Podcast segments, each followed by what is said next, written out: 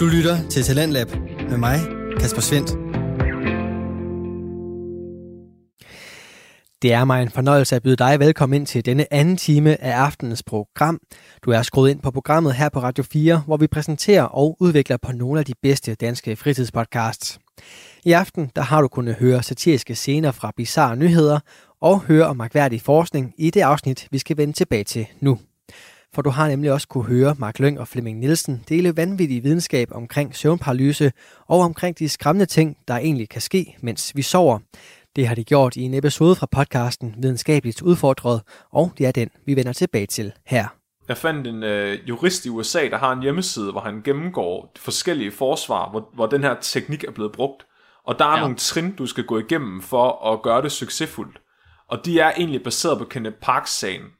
Okay. Så, så det første er, at øh, vedkommende skal erkende sig fuldkommen skyldig. Altså sådan overhovedet ikke benægt, at personen gjorde det. Ja. Så skal de have påvist, at øh, de er under stress, og de har tendens til søvngang, og de ikke sover særlig godt om natten. Mm-hmm. Til sidst så skal de sige, at det de gjorde i søvne, mindede om noget, de ville have gjort i vågen tilstand, inden de gik i seng. Så er den hjemme. Troede man. Okay, altså, det, så hvad er det så derhjemme? Er det, er det, har de så rent faktisk gået i søvne, eller så, har de så, så bare forsøgt at stikke, komme ud af det? Så er deres sag så stærk som muligt med det her forsvar. Okay. Ja. Okay. Så, så det, hvis du, altså det er ligesom de ting, der skal til for at overbevise en jury om, at, at det var søvngang. Ah, super. Og øh, den lagde han så op på internettet, så alle kunne læse den. Ja, jeg, har, ja, jeg sad lige og læste den, jeg tænkte sådan. Ja, og det er jo smart. Det synes jeg jo er godt tænkt, at lige at give en, check, en, altså en liste, som man kan krydse af på, og så sige, ah, yes, der var mit alibi. det er simpelthen så fuck. Jeg ved ikke, om der nogensinde har været nogen tilfælde i Danmark, af det her er sket. Jeg har aldrig læst om det. Altså, jeg, aldrig, jeg kunne ikke finde noget, der er let med, med det, er sket i Danmark. Mm. Men til gengæld sker det rigtig, rigtig meget i USA. Og det, jeg synes, der er interessant, det var alle de tilfælde, jeg kunne finde med folk, der begik mor i søvne, eller var meget voldelige i søvne, det var alle sammen mænd. Mm. Så jeg ved ikke, om det er fordi, at mænd bare er mere aggressive af natur, at det ligger mere naturligt til dem at, at reagere aggressivt, det, eller hvad det, det er. kan også være fordi, øh, så jeg fandt en artikel, der sagde, at det hovedsageligt er mænd, der bare går i søvne. Nå. Øh, så at man har jo simpelthen kunne se en forskel på kønnene, al, hvem der ligesom går mest i søvne og taler mest i søvne. Og der er det mændene, der er i overtal. Jeg ved om det... Jeg ved det ikke. Det er mærkeligt. Men det vil jo give mening, så hvis der er flere mænd, der bare går i søvne, så er der også flere mænd, der begår søvnmord. Ja, men hvorfor går mænd oftere i søvne? Det er lidt pudsigt. Ja, det er svært at sige. Også fordi den artikel, der fortalte det her, sagde, at der var en stærk sammenhæng mellem, om man gik i søvne som barn, og om man går i søvne som voksen. Ja. Men det var næsten halv-halv med børn, om det var drenge eller piger, der gik i søvne. Nå. Men når de så var voksne, så var det flere mænd, end det var kvinder. Måske er mænd bare børn. Måske er mænd bare børn. Jeg, jeg kom til at tænke på, om det er noget sådan... Altså, jeg, jeg går jo direkte over i evolutionspsykologi. Mm-hmm. Om det kunne være noget med, at, at mændene de skulle kunne vågne nemmere, hvis der kom et rovdyr eller et eller andet, for at forsvare deres klan mm. eller et eller andet. Men så på den anden side, altså, kvind, altså møderne, de skulle også kunne vågne, når børnene var vågne eller havde brug for dem. Ikke? Altså, jeg sover lige igennem, når babyen vågner. Det er sagt med, jeg, jeg sover som baby. også når babyen ikke gør det. det er ikke særlig pænt, Flemming. Nej, nej, jeg hører dårligt. Men altså, jeg kigger lidt på det, fordi nu, som sagt, så har jeg jo selv søvnparalyse. Mm-hmm. Så jeg blev, sgu lidt, jeg blev sgu lidt nervøs, da jeg læste det her, og tænkte, fuck, hvad nu hvis jeg kommer til at blive, hvad nu, hvad nu hvis jeg bliver morder? Altså, kan det være, at, at jeg er disponeret for at gøre sådan noget her i søvne, nu, ja. når jeg også har det her søvnparalyse? Mm-hmm. Så øh, det, det skal jeg jo selvfølgelig sige, at jeg er, fordi så har jeg bedre alibi, når jeg engang kommer i retten. Mm, så, så ja, kan det... jeg referere til det her afsnit af spækbrættet. jeg håber ikke, det er nogen... Altså, nej, please. Nej, hvis jeg nogensinde kommer til at dræbe min svigermor med et dækjern, så... Øh... Ej, det var man ikke engang joke med. Det er ikke sjovt, Flemming. Helt ærligt. Hvad laver du? Nå, men jeg, jeg kiggede så på, altså hvad ved man egentlig om fysiologien af, af sådan nogle søvnmor, og så prøve at sammenligne den med fysiologien i, i søvnparalyse. Mm-hmm. Så man kan inddele vores søvn i fire forskellige faser. De tre første faser, det er dem, man kalder non-REM-søvn. Mm-hmm. Og REM-søvn, det er rapid eye movement. Altså ens øjne, de ligger og kører rundt i hovedet på en, mens man sover, når man er i REM-søvn. Så de tre første faser, det er altså de faser, hvor der ikke er remsøvn, og så den sidste fase, det er den, hvor der er remsøvn. Det, det, det, det er også, det er det, man kalder dyb søvn. Så de to sidste faser, det er dyb søvn, og de to første, det er lidt søvn. Så er der så teorien omkring det her homicidal sleepwalking, og det er, at det er en person, som vågner direkte fra den tredje fase i søvnen, altså lige inden rapid eye movement fasen starter. Mm-hmm. Og den her fase, det er den, der hedder slow wave sleep. Og der kan man se, at øh, hjernen, den opererer med meget langsomme bølger. Og det er lige inden, at den går i dyb søvn. Normalt så vågner man altså kun fra de tre andre faser. Det er ikke normalt, at man vågner fra fase 3. Og det er blandt andet fordi, at der er dele af ens hjerne, som simpelthen er, er lukket ned i den her fase af søvnen. Og man mener blandt andet, det er fordi, at det er der, man lærer øh, langtidsudkommelsen, danner minder. Men det er også der, hvor hjernen den renser sig fra affaldsstoffer, der har ophobet sig i løbet af dagen. Så det er simpelthen ligesom bilvasken, der foregår der. Så hjernen den, er ikke, den fungerer ikke pissegodt i det her stadie. Og det er derfor, at man normalt ikke vågner fra den.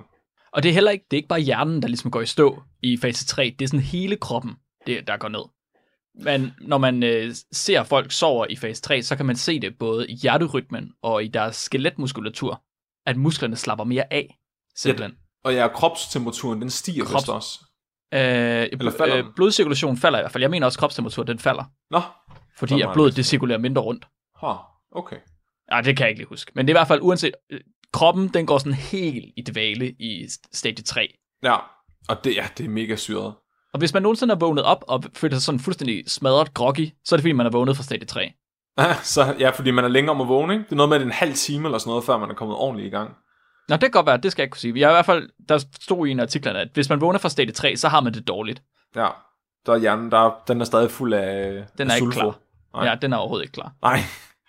Og det var så lidt interessant, fordi de EEG-målinger, som man lavede på Kenneth Parks tilbage i 87, ham der blev frikendt, de viste, at hans hjerne, den forsøgte at vågne fra fase 3 10-20 gange i løbet af natten.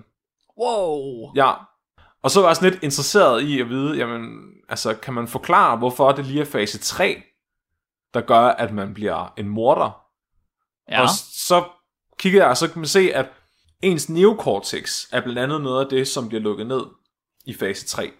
ja. Og det er den, der står for øh, højere hjernefunktioner. Så det er sådan noget som kognition, det er sådan noget med at have kontrol over sin krop, det er sådan noget som at have en opfattelse af rum og sprog, og, og ens sanser bliver påvirket af ens neocortex.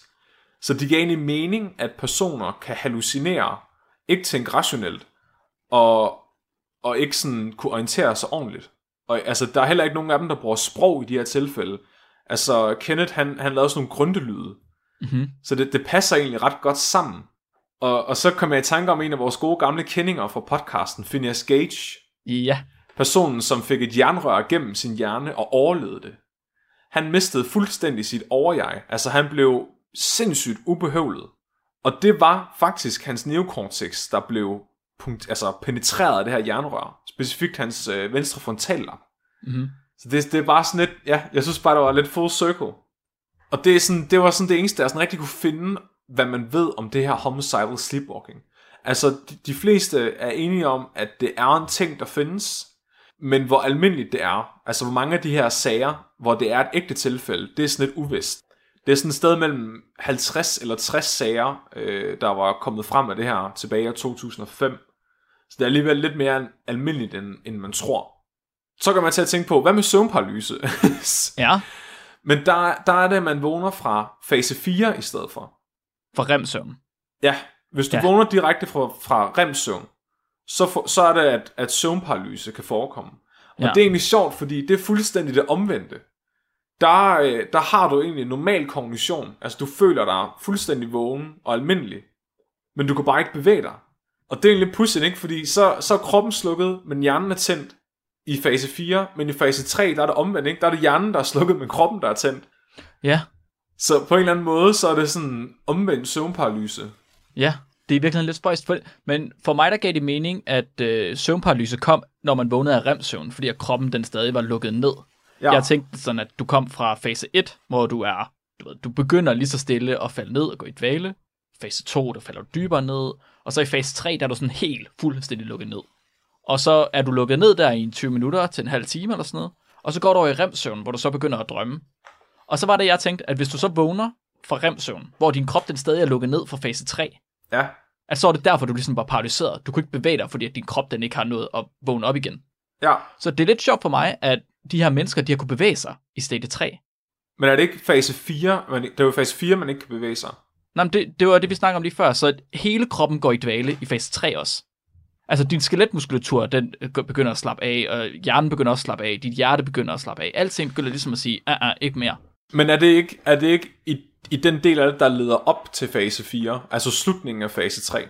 Mm-mm, det er Jeg- hele fase 3. Hmm, ja, det er pudsigt. For det er simpelthen det, der sker. Du, det er bare sådan en, en downward slope fra fase 1 ned til fase 3. Og når du så er på dit laveste i fase 3, så vidt jeg forstår, ja. Så går du ind i remsøvn. Det er Men mærkeligt. generelt i fase 3, der er du også paralyseret, basically. Det er underligt, at de så kan bevæge sig, når de vågner. Ja, det synes jeg jo også er underligt. Altså, for jeg kan absolut ikke bevæge mig, når jeg har søvnparalyse. Altså overhovedet ikke. Jeg kan ikke engang bevæge fingrene. Altså ingenting. Det er ligesom at ligge under altså, et tæppe af bly. Ja. Huh, det er virkelig underligt. mærkeligt. Kan Det var, men det det- var derfor, jeg, jeg troede måske, at i remsøvn, at du ved, at den begyndte at gå, at det er sådan, du har en, en V-form nærmest. Så du har fra 1 til 3, der går den nedad. Og så rammer du bunden, og så går du i remsøvn, og så begynder den lige så stille at gå opad, til du rammer fase 1 igen. Ja. Men det er også meget forskelligt, altså hvor lang tid der går, før jeg, kan bevæge mig. Ja, okay. Nogle gange kommer det ret hurtigt, og andre gange, der kan jeg ligge i, altså en time, uden at kunne bevæge mm-hmm. mig. Mhm. Hvor jeg hele tiden falder i søvn og vågner, og falder i søvn og vågner. Ja. Øj, fuck, det er sindssygt ubehageligt. Det er bare mær- ja, det er mærkeligt, ikke? Altså, det er meget interessant, synes jeg. Men i det mindste kan du ikke bevæge dig, når du vågner. Det er jo rart nok. Ja, men så, jeg, så jeg, ved vi sgu da, hvor vi har dig. Ja, ja. Altså, jeg vil ikke opføre mig mere irrationelt, end jeg er vågen, i hvert fald. jeg tror ikke, jeg vil slå nogen ihjel. Altså, fordi jeg er fuldstændig ved bevidsthed. Der er, altså, der er ikke nogen forskel op i mit hoved på, når jeg er vågen, og når jeg har søvnparalys.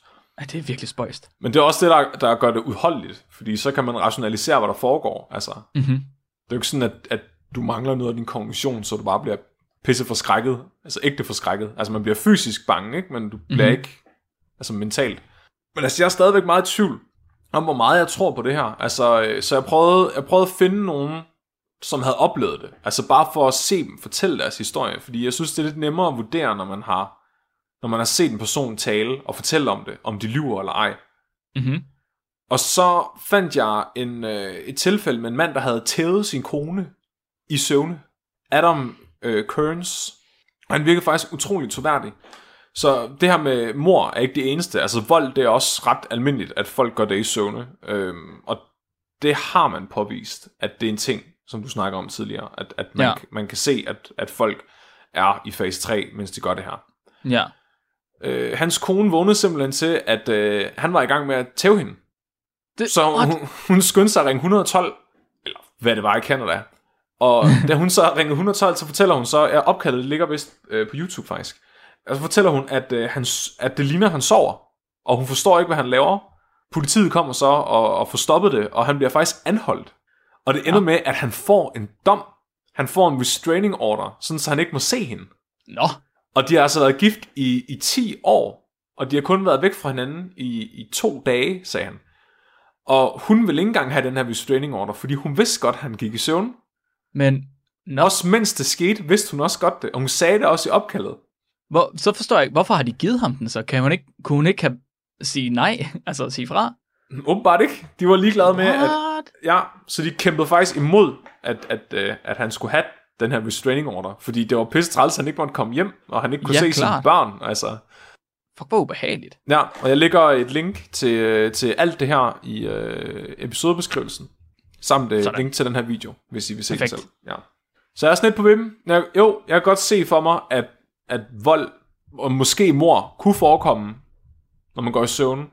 Men jeg er mere skeptisk på, hvor komplekst det kan være. Men det mm-hmm. kan Mhm. være, at du kan overbevise mig, Mark. Lad mig, øh, lad mig fortælle en lille historie, Flemming. En lille historie tilbage fra 1986. Tilbage dengang, der var der et ungt ægtepar, der de begyndte at opleve nogle problemer i deres ægteskab. Konen, hun var begyndt at være sådan, sådan lidt træt af sin mand. Det var, det var, han var sgu lidt irriterende. Og det var han, fordi at, øh, han blev ved med at forstyrre hendes, hendes søvn. Hele tiden. Hele tiden så blev hun vækket, og det var pisse irriterende. Og det er, det er hun ikke enig om. Faktisk så bliver et sted mellem øh, 25 til 33 procent af alle sovende partnere, de bliver forstyrret så meget af deres søvn, at det påvirker deres hverdag. Åh, Det er altså mange mennesker. Det er godt 60 Bukket procent. med albuer. Ja, det er godt 60 procent af voksne mennesker, der sover med en partner, og 25 til 33 procent af dem, de bliver vækket. Det er ret mange. Det er ret mange. Men jeg tror ærligt talt ikke, at der er særlig mange af de her 25 til 33 procent, der blev forstyrret på samme måde som hende konen her. Fordi hendes mand, han døde nemlig af verdens første diagnostiserede sex somnia. Nej, sex somnia, det lyder bare så Sex somnia. Hver eneste nat, to til tre timer efter at være faldet i søvn, så tog manden hårdt fat, et hårdt greb om reproduktionsrøret, og så polerede han til det over fri passage. Nej, Så skulle, der, så, skulle der, så skulle der gnides, og det gjorde han hver eneste nat. Uanset hvad, så, skulle han lige, så rev han simpelthen af, mens han sov altså på sig selv. på sig selv. Ja, der var intet, der hjalp. Selv, selv sex med sin kone, hvilket det bliver rapporteret, at han skulle have hver eneste nat. Hold da op. Ja, ja, det er så det, eller hver eneste aften hedder det. Ja, Det, øh, det synes jeg alligevel, det, det, det er et brag, der ved noget. Nå, men selv sex med sin kone hver eneste nat, det nyttede ikke noget som helst. Der skulle hives, og der skulle trækkes, og det skulle der uanset hvad. Så den her mand, han ved simpelthen af verdens første tilfælde af søvnsex. Eller dvaledusken, eller døse dyt, eller hvad I nu har lyst til at kalde det. så hun kunne ikke sove for ham, fordi han i søvne lå og rev sig af banditten. Præcis. Simpelthen hver evig eneste nat. Det Og ved det der vil skulle- ske, hvis man gav ham kyskhedsbælte på. Uh, det, uh. Eller gav ham en det. strap på med stød i. Og den er sjov. Det kunne være lidt sjovere. Det kunne være, han vågnede. Måske vågnede han. Godt være, han slog en ihjel. Så øhm, siden det- 1986, der er der fundet 13 andre tilfælde. 13 andre tilfælde af sexsomnia. Den her søvnforstyrrelse, den er altså vanvittig sjælden for søvnforskere. Altså, jeg er rimelig sikker på, at vi, vi i resten af verden, vi, godt er, vi kan godt huske, hvordan det er, hvordan det var at være 13 år gammel. Der var der bare døgn rundt, også mens man sov. Altså. Fuldstændig. Altså, der var ingenting. Altså, hvor man vågner da nogle gange op, og så er lanet vådt, og så må man jo ligesom have et nyt lag på, og det er der ikke noget at gøre ved. Jeg tænker bare, tror du ikke, at grunden til, at det er mere sjældent, er fordi folk ikke sådan går til lægen med det? Altså, 100 procent. 100 procent. Det er også det, Søvnforskning de selv skriver. De mener, det er underrapporteret, fordi at patienterne de ikke tør at fortælle om det, fordi de synes, det er pinligt. doktor, doktor, jeg gokker i søvne, doktor, doktor.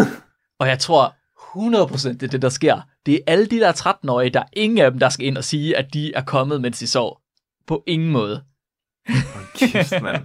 Hvad skal de Men-? Hvad, altså, ja, men jeg tror, altså, sådan nogle søvnrelaterede ting, tror jeg generelt ikke rigtigt, at folk snakker med læger om. Altså, Mm, Jeg tror også, der er mange, der ikke ser det som et problem. Altså, hvorfor se det som en lidelse? ja, ja, altså, Hvis det ikke gør noget ved din søvn, så er det jo ikke et problem. Hvis det gør noget ved din partners søvn, så kan din partner synes, det er et problem. Men altså, min partner lever med boobs på næsen. ja. Du lytter til Radio 4. Du er tunet ind på programmet Talents Lab, hvor jeg i aften kan præsentere dig for to afsnit fra Danske Fritidspodcast. Her som aftens andet afsnit er det fra Videnskabeligt Udfordret med Mark Lyng og Flemming Nielsen. De fortæller omkring de utrolige forskningshistorier om søvnparalyse og omkring de ting, vi kan finde på at gøre i søvne. Og det er selvfølgelig den episode, vi vender tilbage til lige her. Ikke desto mindre, så er det en lidelse, det her. Det er en diagnostiserbar lidelse, simpelthen. Man kan simpelthen diagnostiseres med sex somnia, og have sex, mens man sover. Men hvad er det så for noget? Hvad kan det? Hvordan får man det? Hvad er det? Så søvnsex, det er en form for parasomnia, som vi snakker om lige før. Mere specifikt, så ligger det i kategorien øh, NREM-relateret parasomnia. Så Flemming har snakket om de fire forskellige stadier, der var lige før, hvor de tre første, det er der non-REM-søvn. Og det her parasomnia, det ligger simpelthen i øh, den, det stadie af søvn, hvor man ikke er i REM-søvn. Så det er, hvis der sker noget spændende, mens dine øjne ikke bevæger sig i din søvn. Ja, lige præcis. Så hvor altså, din øh, søvnparalyse, det ligger i REM-søvn i stedet for, så vil det være REM-associeret. Ja. Og øh, i den her kategori, der finder vi også noget som søvngængeri, som vi hørte om lige før. Vi finder også øh, søvnrelateret spiseforstyrrelse, og vi finder mareridt. Det ligger Ej. alt sammen i de første tre stadier. Det er rigtigt. Jeg havde, åh, min eks-svigermor. Ja. Hun spiste i søvn. Det er så mærkeligt. Ja, hun, de var nødt til at putte lå, altså øh, lægge tingene væk, så hun ikke kunne finde dem. Ellers så gik hun bare ned og åd alt, hvad hun kunne få fat i i søvn. Det er fandme mærkeligt. Hun kunne æde, Så der var, mærkeligt. ja, var rigtigt, det havde jeg ikke glemt. Der var en gang, hun havde et en hel pakke cornflakes, da jeg så der. Jeg har aldrig hørt om det før. Det lignede bare, at der havde været en fucking vaskebjørn i, øh, i deres køkken. Hvad sker der? Hvordan? Jeg forstår det simpelthen ikke, at man kan æde om natten. Ej, det er sjovt. Jeg kender, jeg kender faktisk sådan en anden en, og det, det kan jeg sådan ikke nævne personen med navn, men øh, Men jeg ved, at øh, der har også været lås på skabene nogle gange, fordi han også bare står op om natten og ud og ud og ud. Det er simpelthen sindssygt. Jeg har bare lige lavet, ligger- jeg har aldrig lavet koblingen til at gå i søvn før. Nej, okay. Men det sagde de jo, eller det sagde hun, jeg tænkte bare, hun var fuld af lort. Ja, at hun gik i søvne. Ja, hun sagde Nå, du også, tænkte, bare, ja. hun, du tænkte, hun gik ned og æde, og så sagde hun bare, hun gik i søvne, fordi at... Ja, ja, og så hele familien var sådan, ej, hvor er det synd for hende. Men Mm, okay. det var faktisk, måske var der ikke noget om det. Ja, der er rent faktisk søvnrelaterede spiseforstyrrelser, Ej, hvor sjovt. at man æder, mens man sover. What the fuck? Så det ligger i kategori med at bolle i blunden. Og symptomerne på det her med at bolle, mens man sover, det indebærer... Og øh, ja, var det ikke god? Tak. Jo, jeg synes, tak. det var- så symptomerne indebærer at onanere, men det kan også være at gramse, og det kan være at have sex, helt op til klimaks, og så kan det også være seksuelle overgreb, faktisk. Så øh, ikke bare mor kan man gøre, men man kan simpelthen også voldtage, mens man sover, hvilket er fuldstændig sindssygt. Fuck. Fuldstændig vanvittigt. En ting, der er ret mærkelig ved folk, der lider af søvnsex, det er, at deres øjne, de er åbne, mens de har et anfald. At deres øjne er åbne. Ja, deres øjne er åbne. Og det, det hedder også et anfald, bare lige. Men det, jamen, det giver vel mening, fordi det er det jo som regel, når folk går i søvn, ikke? Men at man kalder det et anfald, Ja, det er selvfølgelig noget andet. Det er jo ikke, altså, anfald, det virker meget pludseligt. det er godt nok sjældent, jeg har ligget og hævet mig i tidsmanden, og så tænker, det her, det er et anfald. Puh, Og det vil jeg sige, det har jeg, det har jeg prøvet, men det var, der sov jeg ikke. Så blev det lige et anfald. Vi har alle sammen været teenager, Mark. Jamen, det er også rigtigt. Jeg skal ikke. Jeg skal, det er også rigtigt. Ja. Så øhm, deres øjne er åbne, de er godt nok sådan tomme og glasagtige. Altså, mærk, det ser ikke ud som, om de kigger på noget, men de er åbne, uanset hvad. Og Hmm. øh, anfaldene, de forekommer så under øh, altså non-rem søvn, som vi snakker om lige før. Så øhm, det her, hvor, de, hvor, hvor kroppen den i virkeligheden er på vej til at forsøge at slappe af. I et studie fra 2016, der var de så heldige, at de fik fat i en person, der led af sexomnia. Og de ville gerne finde ud af specifikt, hvornår forekommer det her, det her, de her anfald. Fordi et af problemerne med søvn og med at drømme, det er, at man ved ikke rigtigt, hvad det skal til for. Man ved ikke rigtigt, hvordan det foregår, og hvad der, er, der sker, mens vi gør det. Så det, at man kan gøre ting, mens man sover, er super forvirrende. Det er så Filemon kan tale til os fra vores Ja, er så- underbevidsthed. Og præcis, og men det er kun under remsøvn jo. Man er overhovedet ikke klar over, hvad det er, der sker. Okay, man er klar over, hvad det er, der sker i nogle tilfælde, man ved ikke hvorfor. Og det er næsten umuligt for forskere at forudsige, hvornår forskellige ting vil forekomme. Hvilket stadie af søvn vil det her ske. Det er bare sådan en glitch. Fuldstændig. Så de her forskere, de var interesseret i at prøve at finde ud af, okay, i hvilket stadie af søvnen forekommer det her sexsomnia, de her anfald. Fordi måske kan vi bruge noget af det data, hvis vi bliver ved med at samle nok ind, til at på et tidspunkt forstå, hvorfor er det, at man gør mærkelige ting, mens man sover. Så øhm, de havde fået en 20-årig taiwanesisk mand ind. Han var i værnepligt lige på det tidspunkt, og han blev smidt på søvnklinik, fordi han gik i søvne. Det havde han også gjort tidligere, det havde han gjort fra han var 6 til han var 11 år, men han havde faktisk aldrig gjort det i sit voksne liv. Så går man altså hårdt i søvne, når man kommer ind på en klinik og bliver indlagt. Ja, altså, han, han startede som værnepligt, ikke? Og øh, da han startede, der havde han ingen søvnproblemer. Det var, alt var, som det plejer at være. Men efterhånden, som tiden den skred frem, så begyndte de på deres officielle militærtræning, deres formelle militærtræning. Så til at starte med, at han bare var rekrut, der havde de egentlig faste sengetider. Og så havde han ingen problemer. Men så efterhånden, så skulle de begynde at stå vagt. Og når de står vagt, så kan de gøre det både om dagen og om natten. Og de havde ikke noget fast søvnskema, så de led også rimelig meget søvnmangel, mange af dem under den her træning, så opdagede de andre rekrutter, at ham her, den 20-årige, han ville gå rundt om natten, ind til de andre soverum, og så ville han hive fjederen. Nej, det er fandme ikke særlig heldigt. Det er fandme ikke særlig heldigt. Ej. Og rekrutten, rekrutten, han troede ikke selv på de her historier. Han var overbevist om, at de andre, de prøvede at tage pis på ham. Ej, 100% hvor, ej, fuck, han er blevet drillet, mand.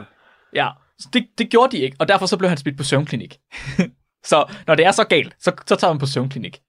Og det var pisse fedt, mega fedt, at han kunne komme på søvnklinik, fordi med sådan en sjælden lidelse, som ingen andre mennesker i hele verden de lider af, og ikke har gjort fra de var 11 til de var 15, så er det jo ret fedt, at forskere lige pludselig har mulighed for at forske på en person, der har den her meget sjældne lidelse. Okay, så det du fortæller mig, Mark, det er, hvis jeg nogensinde bliver værnepligtig, hvis jeg nu, nu bliver inddraget i herren på et eller andet tidspunkt, og jeg virkelig bare gerne vil hjem og sove, så skal, så skal jeg bare begynde at gå rundt midt om natten, hive mig i banditten og kigge tomt ud i luften, og så får jeg gratis hotelophold, mens de andre de bliver skudt. Hvor gad tævet dig. Ej, det lyder så ubehageligt. Det er... Jeg vil være bange for, at du var i gang med at lave søvnmor i stedet for. Nu hvor jeg hørt, det eksisterer. hvis jeg render rundt med... Jeg ved ikke, hvorfor våben du bruger. Nej, det er selvfølgelig rigtigt. For satan, mand. Ej, jeg har aldrig, jeg har aldrig tænkt på den som et våben, men øh, det, øh, det kan da godt være. Så øhm, det de gerne ville, de her forskere, de vil gerne finde ud af, under hvilket af de her fire søvnstater forekom de her anfald. Så de brugte en, øh, en fancy metode til at måle det her. De, øh, de valgte at udføre det, der hedder en videopolysomnografi. Så en somnografi, det er en søvnmåling, og en polysomnografi, det er simpelthen, hvor man måler alt muligt mærkeligt.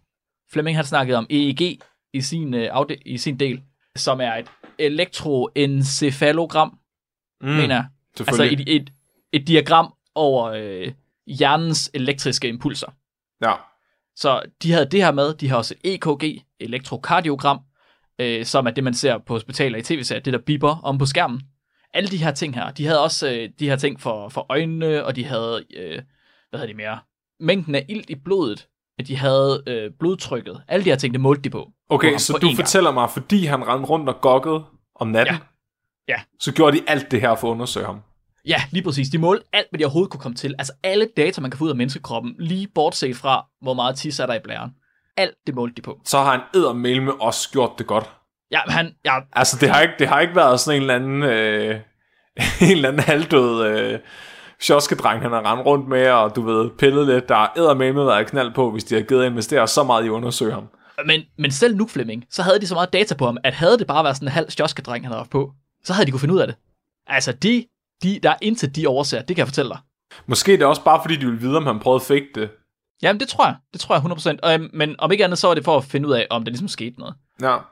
Så det, vi fik lige at vide på Discord, det er ret standard. Det er også rigtigt nok. Det er rimelig standard at gøre. Altså måle alle de her ting her. Det er jo ikke sværere end at sætte et par klistermærker på hister her. Hmm. Og så have nogle øh, elektroder. Det lyder bare voldsomt, end, øh, Det lyder ret end det klogt. er. Det lyder ret klogt. Så de gjorde alt det her. Det er smart. De sætter alle de her ting på ham. Og så om aftenen, så lægger den 20-årige patient sig til at sove på søvnklinikken, mens alle de her søvnforskere, de observerer ham. Det er rart lige at have sådan 20-25 mennesker til at sidde og kigge på en, mens der man sover. Og vente på, at man onanerer i søvn. Yes, lige præcis. Fuck, jeg ville have svært i hvert fald i søvn, hvis jeg vidste, der sad 20 mennesker og ventede på, at jeg skulle gøre det. Ja, så fire dage forinden, der havde han været på vagt, og der havde han øh, fået meget lidt søvn, og det samme det var sket dagen efter, altså tre dage forinden. Og så de sidste to dage før eksperimentet, der havde han sovet almindeligt, så der havde han sovet hjemme ved sig selv øh, i 8 timer cirka. Så han har ligesom haft det her mærkelige søvnskema, ligesom han plejede at have, inden det var, han kom ind til eksperimentet. Og så bliver han sat til at sove, og rekruten han sover det bedste, han har lært, og øh, kommer næsten helt gennem natten. Men klokken 5, 37, 25 om morgenen, Flemming, Åh, oh, det er ulvetimen. Så startede, så startede seksperimentet. så startede eksperimentet, så gik Nej. det i gang. Det kan jeg fortælle dig.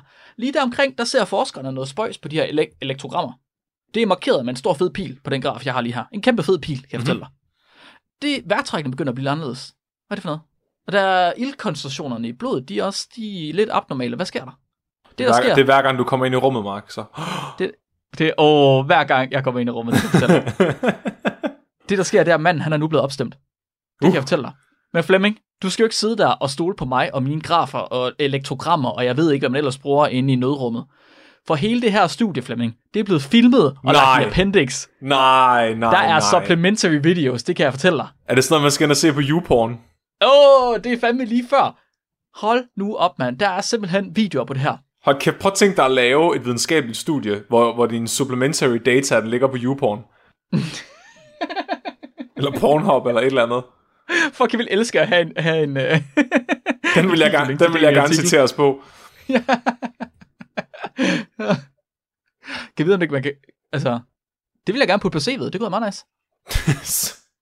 Porn scientist. Så klokken 37 minut, 37,5 minut over 5, der får en stiv tisseflyt. Så klokken 10 sekunder i 38 minutter over 5, der tager han fat i stangen. Og 3 minutter senere, 2,5 minutter senere, der er han færdig. Det var det. Og så, som Flemming han sagde, han har lige set videoen, så tager han lige hænderne af i, uh, i tøjet. han har tøj på, heldigvis. Ja, Trods alt. det var ret heldigt, at han gjorde det under bukserne. Han ligger simpelthen til skue for alt og alle på internettet nu, sammen med en videnskabelig artikel. Og ved du hvad, Flemming? Det er slet ikke færdigt nu, fordi der er kraftet med en film mere, fordi han gør det en gang til. Nej. To gange på en nat. Jeg skal love for, at der er gang i drengen. Hold nu op. Er toren, 6-3 er, er toren så bedre end etteren? Eller, Jeg har, ikke se, jeg har ikke set toren. Jeg synes, det var nok at se en video af en mand, der var nede under sit tøj. toren er aldrig lige så god som etteren. Jeg håber virkelig, han har givet lov til, at det kommer ud. Han er jo bare, øh, han er jo bare et forsøgskanin. Han, de har ikke brug for consent. Nej, altså, jeg, jeg har en eller anden idé om, de ikke har sagt noget til ham. De har bare filmet ham, og så har, så har de bare lagt det ud bagefter. Ej, det er fandme... Det er sådan noget, det er sådan noget, øh, det er sådan hate crime. Det er sådan noget, hvad hedder det? det er revenge porn. Ja, det var det, jeg, skulle, det, var det, jeg prøvede at sige. Det er hævnporno. Hævnporno. Hold kæft, mand. Nå, det sker igen. 6.33.55, stiv tidsflyt. Et halvt minut senere tager han fat i stangen, og så går der fire minutter, og så er han helt færdig. Prøv lige at tænke Det på, er- at hvis der havde været lidt mere udførligt, han havde gjort det, ikke? Hvis han lige havde, hvis han havde taget en elastik rundt om den, og et Batman, Batman-kostyme på, og så begyndt at kvæle sig selv, imens han Et lige... bælte Øh, om halsen, ja. Jamen, det er bare i søvne. Det er bare noget at gøre i søvne, det her. jeg pisker mig selv imens for at komme tættere på vor herre. Det skal være nihalet. Pisk. Jeg kan ikke nå klimaks, medmindre jeg er på kanten af døden. Så det vilde er, at det her, det sker i stadie 2 og 3. Så ligesom du sagde, Flemming, at søvnmor, det sker i stadie 3. Det gør det her også. Den første gang, det sker i søvnstadie 2, og anden gang sker i søvnstadie 3. Nej, så Og han, det- gør det, han gør det både i to og tre. Han gør det både i 2 og 3. Det er super mærkeligt, fordi det er jo ligesom de dybe søvn igen. Den tredje stadie er jo, skulle fortsat være det dybe søvn. Og så er det altså her, at han, han vågner ikke op, for det kan du jo se. Han har stadig den samme mængde af hjernebølger, som gør, at han sover. Det kan de se på de forskellige hjernebølger, der er. Jeg ved ikke, hvad der er værst. At onanere i søvne på kamera foran 20 mennesker, eller slå sin svigermor og blive frifundet. Ja, jeg er også lidt i tvivl. Hmm. Jeg er også lidt i tvivl. Den må være op til Hvad er mest pinligt? Ja, Ja, det synes jeg også. Så øh, det er perfekt i virkeligheden, fordi det passer også med et andet studie. Der var et andet studie, hvor de har kunne måle de her ting. Fordi ingen af de andre eksempler, eller hvad kalder man det? Øh, case studies, forsøgspersoner, der har de fået lavet de her po- videopolysomnogrammer.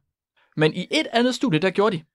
Og det var med en 60-årig kvinde, og hun oplevede altså også søvnerne ved stadie 3. Wow, wow, wow. Hey mama. Wow. Wow. Simpelthen. G-MILF. Simpelthen. Så der begynder at tegne sig et, øh, et billede, Flemming. Et billede af hvad? en gammel dame, der onanerer. Nej, hold nu op. Det her, det sker i søvnstadie 3. Det er som om, at de mærkelige ting, det sker i søvnstadie 3. For Mm. mm. de, dybe, de dybe søvn. Ha, Den ha. ubehagelige søvn at vågne fra. Ja.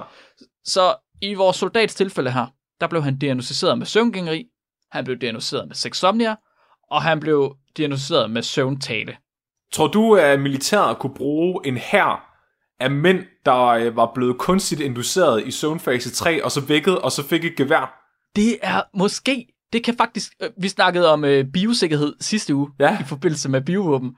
Og en af de ting, vi lærer på de kurser med biosikkerhed, det er, at hvis man, hvis man oplever eller opdager noget nyt, som potentielt kan bruges til noget ubehageligt, så skal man lige tænke sig om en ekstra gang. Flemming, skal vi tænke os om en ekstra gang, inden vi udgiver det her afsnit? Øh, det ved jeg. Jeg kunne godt forestille mig, efter det her bliver udgivet, så begynder Nordkorea at invadere Sydkorea med en, med en flok soldater, der har tomme øjne, og halvdelen af dem Ja. onanerer, mens de skyder Ja. folk. Ja. det er sådan 50-50, om Ja. det er søvnmor eller om det er søvnsex. det er sådan lidt det samme problem, som de har i den originale Day After Dead. Det er sådan, de kan ikke få zombierne til at skyde de rigtige. God damn it. Nå ja, det virker halvdelen af gangen, så er det også fint nok. Så lægerne, de mente, at alt det her, det kom af, at hans søvnrytme, den blev forstyrret så markant af militærtræning. Så de er faktisk ikke sikre, men de mener, det er det, det kommer af. Øh, og han fik udskrevet det beroligende medicament, der hedder clonazepam, som det er sådan bedøvelsesmiddel nærmest, som hjælper hans søvngængeri, men ikke hans onani, desværre. Ifølge de andre rekrutter. Så onanerede, men så var han vågen, når han gjorde det. Måske. Det er jo ikke til at vide. De sagde i hvert fald, at han ikke stod med at onanere. Det kan være, at han bare fik, øh, at han fik tømmer, hvad hedder det, relapse. Han fik abstinenser. Nu har Ja. han ikke gjort det ni gange hver na- eneste nat. Ja, måske. det er svært at sige. Du lytter til Talentlab med mig, Kasper Svendt. Vi er i gang med aftens andet podcast afsnit her i Talents Lab, programmet på Radio 4, som giver dig mulighed for at høre nogle af Danmarks bedste fritidspodcasts. Det er alle sammen podcast, der kan underholde, informere og måske provokere en smule, og så er det alle sammen podcast, som du kan dykke videre ned i på egen hånd. Det er fordi, at alle fritidspodcasts, som vi præsenterer her i programmet, dem kan du finde yderligere afsnit fra inde på diverse podcast-platforme, og det gælder selvfølgelig også for den podcast, som vi er i gang med her. Det er videnskabeligt udfordret med Mark Lyng og Flemming Nielsen, som fortæller omkring forskning i søvnparalyse og de skræmmende ting, der sker, når folk troede, de sov. Hør med videre her. Altså, okay, så den her 20-årige mand er jo ikke et problem. Det er jo, okay, det er ikke vildt behageligt at have en eller anden fellow rekrut, der øh, står og render rundt og fifler med fløjten, mens man sover. Det er ikke specielt behageligt, men han var værnepligtig, altså, i to uger mere, og så tog han hjem, og så stoppede han. Det er jo fint nok, det er jo ikke et problem. Nej, det er de andre tilfælde af sexsomnia, der er problematiske. Dem, hvor de stikker folk i hjertet 44 gange, og så trækker dem ud i øh, en swimmingpool. Så jeg fortalte jer om øh, den 60-årige kvinde, der også havde fået målt sin søvn. Igen, ikke problematisk. Men der har altså været andre ret uheldige episoder af sexsomnia. Da, da, der var en, en 43-årig mand, der arbejdede i skift, ligesom øh, ham her rekrutten. Han oplevede flere gange at begrænse sin partner, mens de sov. Men kun når han havde arbejdet i skift. Nå. Simpelthen. Og han kendte ikke noget til det, når han stod om morgenen. Det var simpelthen partneren, der sagde, at det er altså kun, når han arbejder i skift, at så begynder han at græmse på mig. Men det var, det var et problem? Det var et åbenbart et problem nok til, at det blev fortalt til nogen. Nå. I guess. Og så fik han så diagnostiseret, at han blev diagnostiseret med sexsomnia. Søvngramser. Søvngramser. Der var en, øh, en 18-årig med søvnmangel også, der blev anklaget for at have stukket en finger op i en anden øh, kvindelig teenager, mens han sov. Simpelthen. også problematisk. Og øh, altså, de her ting, det kan være forfærdeligt, eller det kan være forvirrende. Så i 2014, der blev en svensk mand frikendt på sin appel, efter at der var læger, der havde diagnosticeret ham med sexsomnia. Fordi han havde forsøgt øh, i april 2014, der skulle han angiveligt have forsøgt at voldtage en kvinde, som han havde sovet ved siden af. De har sovet med hver sit tæppe, og der havde ikke været noget om aftenen for inden, og det havde kvinden egentlig også selv sagt. Men om ikke andet, så havde han forsøgt at, at altså, have sex med hende om natten, eller voldtage hende. Og så har bare offeret vågnet, og hun var gået ud, og så har hun ringet til politiet dag om morgenen. Men manden, han kunne altså ikke huske noget som helst.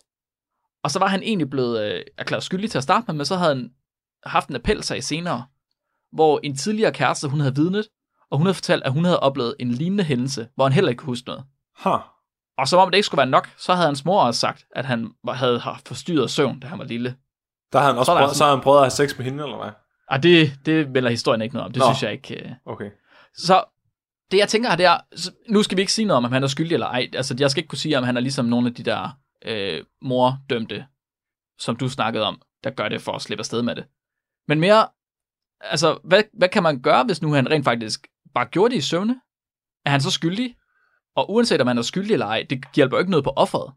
Nej, altså jeg læste en, øh, en artikel, faktisk en peer artikel, ja. hvor, hvor der var nogen, der gennemgik de her sager, fordi de havde pointen, at øh, man ved, at det her forekommer. Mm-hmm. Altså, man har bevist, at det er en ting, der findes, men det er også noget, der rigtig ofte bliver brugt som et forsvar. Altså, at folk ja. går i søvne.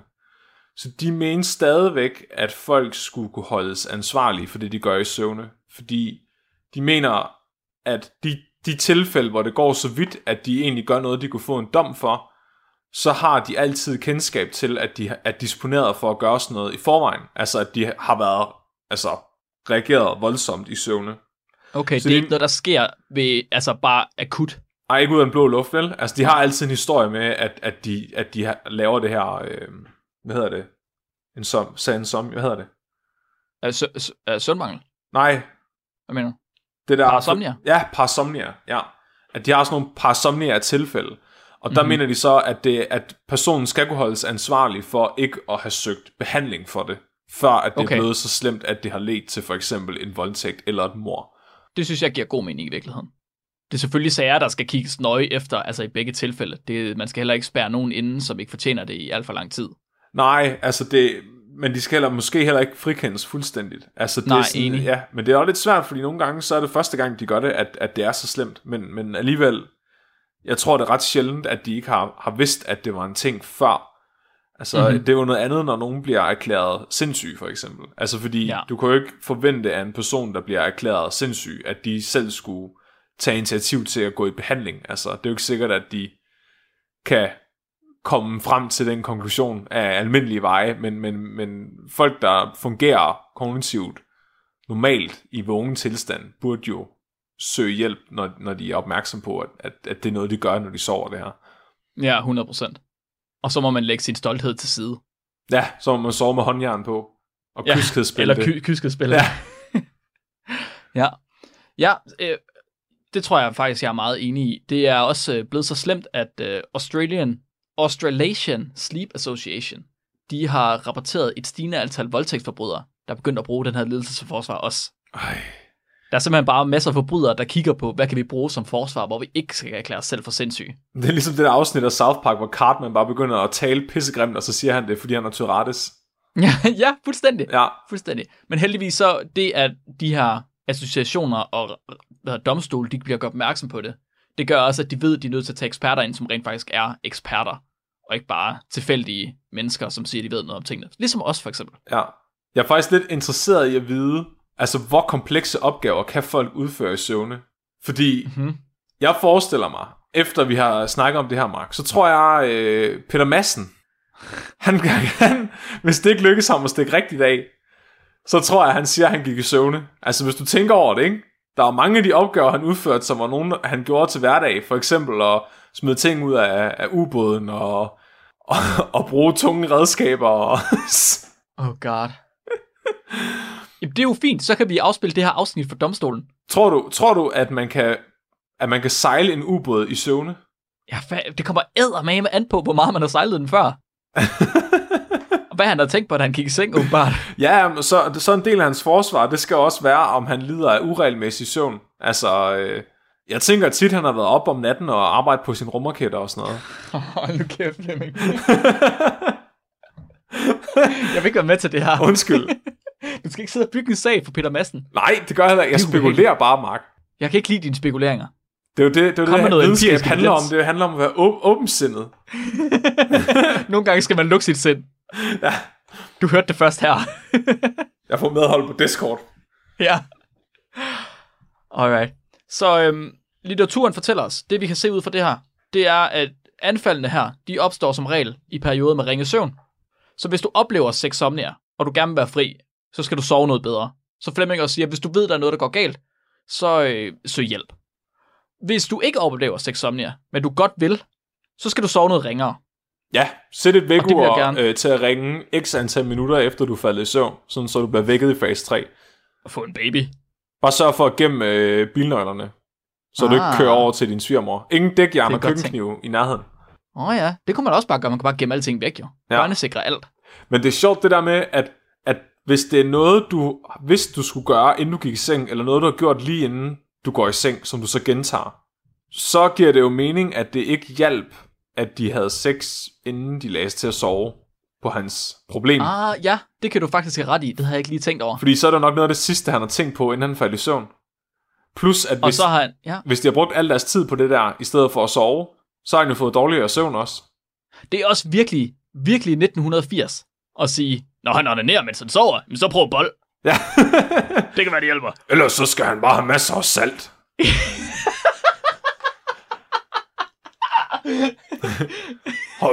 Hvor mange liter blod tapper I fra ham om dagen? En god gammel overladning, det virker utrolig godt på uønskede reaktioner, eftersom blodtrykket det bliver så lavt, at der ikke er blod nok til at...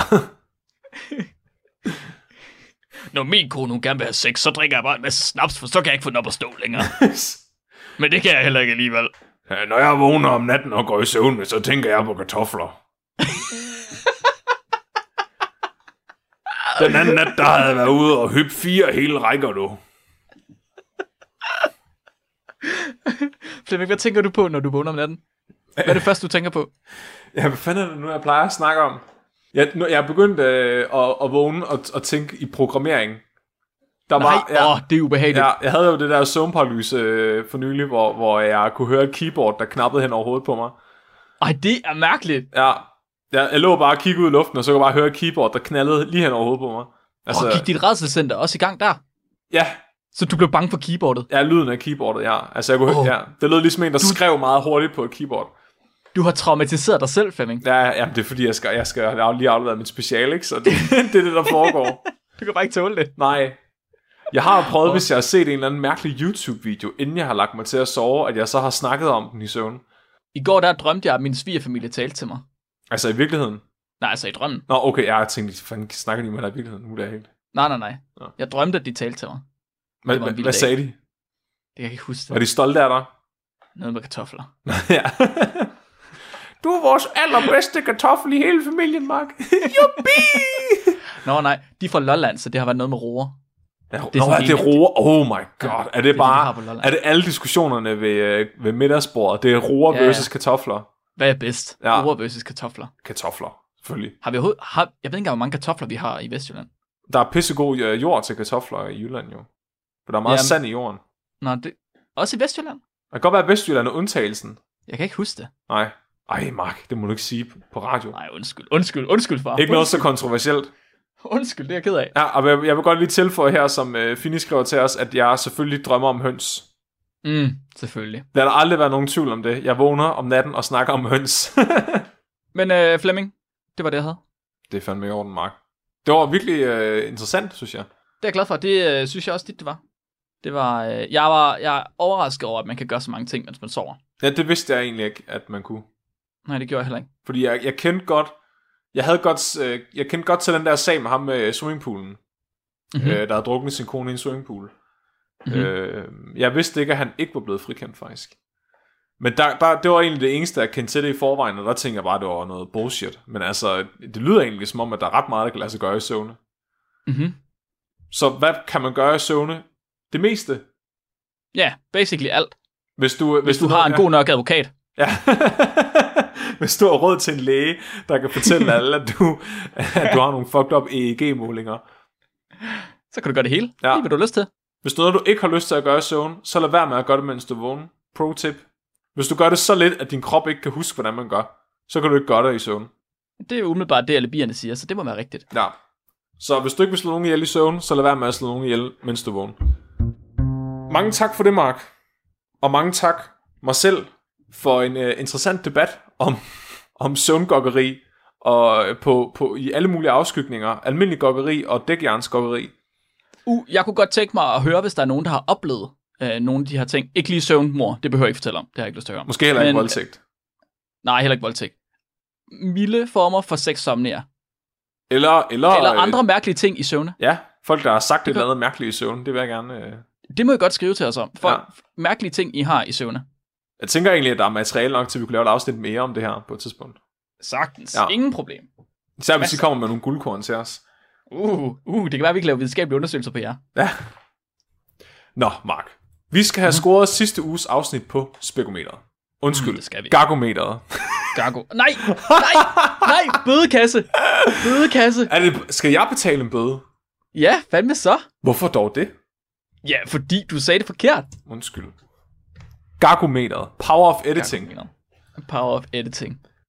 Vores afsnit nummer 1 af Ja. videnskabeligt udfordret, eller afsnit nummer 1 i sæson 4 af Spækbrættet.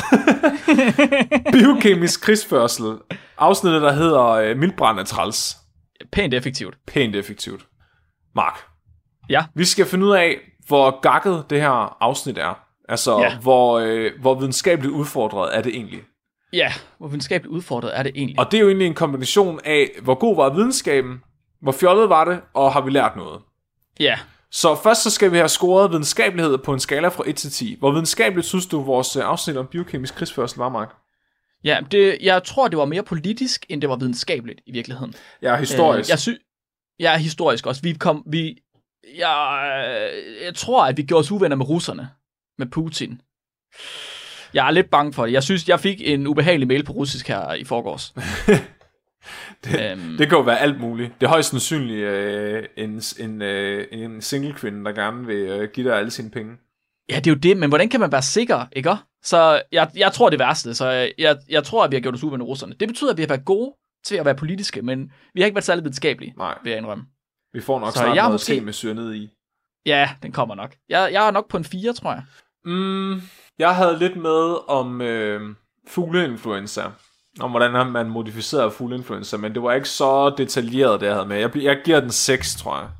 Okay, okay. Nej, den får Okay. 5. Den får 5. Får fem. Ja.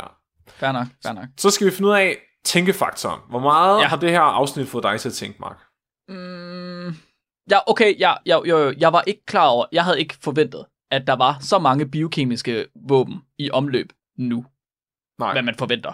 Jeg havde ikke regnet med, at Rusland de var så langt fremme. Jeg vidste ikke, at de havde super ultra mega dødsvirus. Nej, jeg blev, jeg blev ret chokeret, da jeg hørte, at de havde en pest, hvor der var tre gange så døde ligesom almindelig pest, og resistent over for al antibiotika tilbage i 70'erne.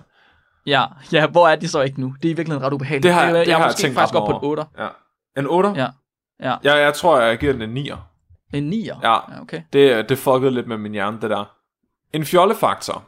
Hvor ja. fjollet var afsnittet. Det var ret seriøst. Ja, det var faktisk ret seriøst, tror jeg. Jeg, jeg tror, jeg bliver nødt til at give den 4, fordi vi snakkede ikke så meget om høns. Selvom jeg havde en oplagt mulighed for at snakke om høns, når jeg snakker om fugleinfluenza. Men jeg, Jamen, jeg ved ikke, du misser alle dine chancer, Flemming. Jeg ved det godt. Det er simpelthen imponerende. Jeg jeg tror, jeg er, på, jeg er på en femmer. Det var, det var en middelvej for mig, det her. Altså, vi grinede, men det var ikke, det var ikke dumt dumt. Nej. Jeg tror mere, at vi grinede af angst over, hvor sort fremtiden ser ud. Jeg har grinet meget af de russiske mails, jeg har fået. Ja. Ah, vi skal alle sammen dø af mildbrand. Ah. en Nobelfaktor. Hvor Ja. meget fortjener det her en, øh, en ikke Nobelpris? Eller en gag Nobelpris? En gag Nobelpris. Jeg vil sige, det der studie, hvor de lige besluttede sig for at splice fugleinfluenza med svineinfluenza, det er ret dumt. Ja, Men- det er... Ja. Men er det dumt på den, på den sjove måde? Det kommer an på, hvem du er, og hvordan du kigger på det. Ja. Hvis du er meget kynisk, så er det dumt på den sjove måde.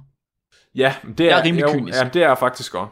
Jeg synes, så den, den relaterer lidt til en Darwin-pris, ikke? Darwin Award. Bortset fra, at, var de, sådan- at de dræber alle andre end dem selv. Præcis, altså den videnskabelige Darwin Award. Den omvendt, ja. Ja, det er en karriere Darwin Award. Ja, de har dræbt deres egen karriere. Ja, så jeg tror, den får en syver for mig. Ja. Der Mhm. mm-hmm. ligger jeg egentlig også på en syver. Så har vi den sidste, der hedder læringsfaktoren. Hvor meget lærte du af vores afsnit om biokemisk krigsførsel? Vi snakkede rigtig meget om bakterier og om viruser, og det må jeg sige, det er nok lidt der, hvor jeg efterhånden lærer mest af andet end videnskabeligt udfordret, tror jeg. Wow, wow, wow.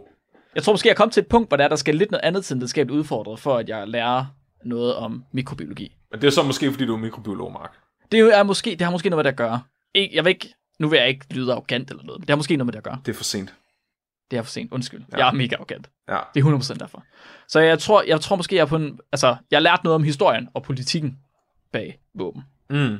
Så jeg er måske på en 6'er. Nej, en 5'er. Altså, jeg har lært noget... Jeg vil sige, jeg har lært noget mikrobiologi. I, I form af, at jeg fandt ud af, hvor langt fremme man egentlig har været øh, i mikrobiologien inden for militæret. Mm-hmm. Altså, jeg var ret imponeret over, hvor gode de var til at, at, at klone. Altså, at lave mutanter i 70'erne. I forhold til... Fuck, mand. de, altså de videnskabelige studier, vi sidder og læser og, og, og, og har baggrund på, ikke? Altså det, selv dem fra 90'erne var ringere end det, de har gjort i 70'erne. Øh, skal, vi, skal vi egentlig bare have job end ved militæret? Det, Tror ikke, det russiske militær, det hyrer? jo, det kan godt være, så vi kan lave super mega dødspest 3000. Det kunne jeg godt tænke mig. Ja, Det tror jeg faktisk, jeg tror faktisk, det er rimelig, øh, altså, rimelig fedt karrieremæssigt. men jeg har også bare en eller anden idé om, at altså det er ligesom, det er ligesom, hvis du var med til at bygge pyramiderne, ikke? Så, så blev du ligesom begravet ind i den til sidst, for at, der ikke, at du ikke sladrede.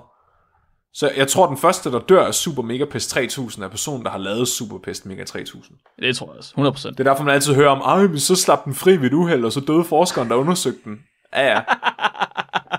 Eller også så lavede du fucking gras med ham, ikke? Altså, Ja. bare stoppede to liter pest ned i, i, i halsen på ham. Ej, jeg lærte, jeg, lærte, jeg lærte en del. Jeg giver den syv. 7, okay. Ja, ja, fair nok, fair nok, fair nok. Okay. Jamen, øh, i min ende, der giver det en samlet score på 58 på Gargometeret, Ja, hvilket er lige så højt som vores julespecial, og øh, lavere end vores Reddit-afsnit og vores sidste afsnit, Kanonslag. okay. Ja, ja. Det er sjovt, fordi vi har fået ret positiv feedback på det afsnit. Men det er ikke Ja. en af dem, vi selv er mega begejstrede for. Nej. Så der kan I bare se, vi er ikke biased overhovedet. Nej. Eller så er vi bare altid biased den modsatte vej af alle andre. Og nu, Mark, Mhm. mm-hmm. vil jeg gerne bede om dagens hønseffekt. Uh, det er altså desværre ikke om høns i dag, Flemming. Det er jeg ked af. Men det er sendt ind af Tilde Hedevang igen igen. Tusind tak for fakt, Tilde. Tilde, hun øh, skriver til os. Natsværmer. De hører med benene. Nej. Nu skal I lade være med sådan noget. Hvorfor er naturen sådan? Hvad er der galt? Med benene! Mit navn, det er Flemming. Og mit navn det er Mark.